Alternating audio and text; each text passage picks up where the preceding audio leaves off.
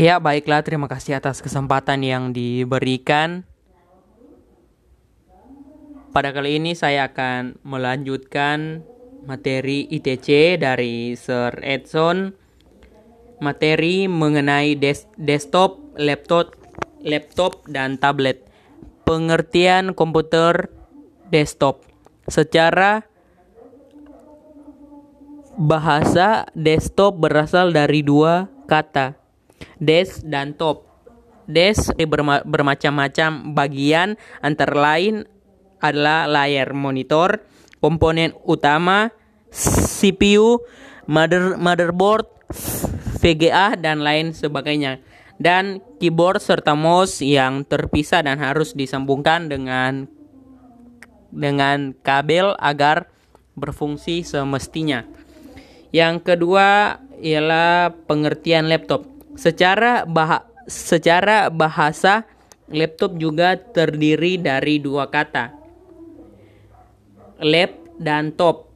Lap berarti pangkuan sedangkan top berarti atas. Sehingga pengertian dari laptop adalah sebuah komputer yang penggunaannya bisa diletakkan di atas pangkuan.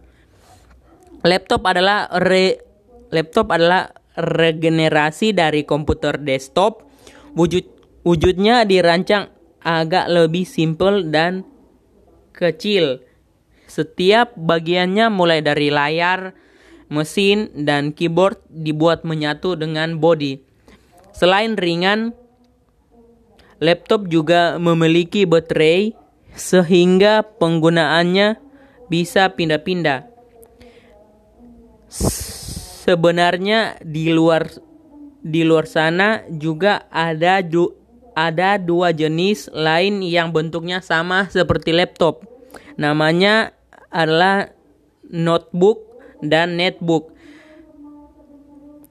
Yang ketiga ialah pengertian PC tablet. PC tablet adalah salah satu jenis komputer yang desainnya sangat simpel, sekilas tampak seperti hanya hanya layar tanpa keyboard fisik dan saat butuh bisa menggunakan touchscreen. Dengan bentuk demikian menjadikan PC menjadikan PC tablet seperti smart smartphone jumbo. PC tablet memiliki ukuran sama seperti netbook berkisar 7 sampai 12 inci. Meski begitu, PC tablet masih termasuk golongan komputer, bukan smartphone.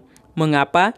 Karena bagaimanapun gadget ini meng menggunakan sistem operasi seperti komputer lainnya, bukan OS milik telepon pintar.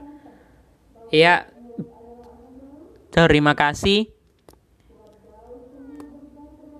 Demikian podcast saya tentang desktop, desktop, laptop dan tablet. Terima kasih.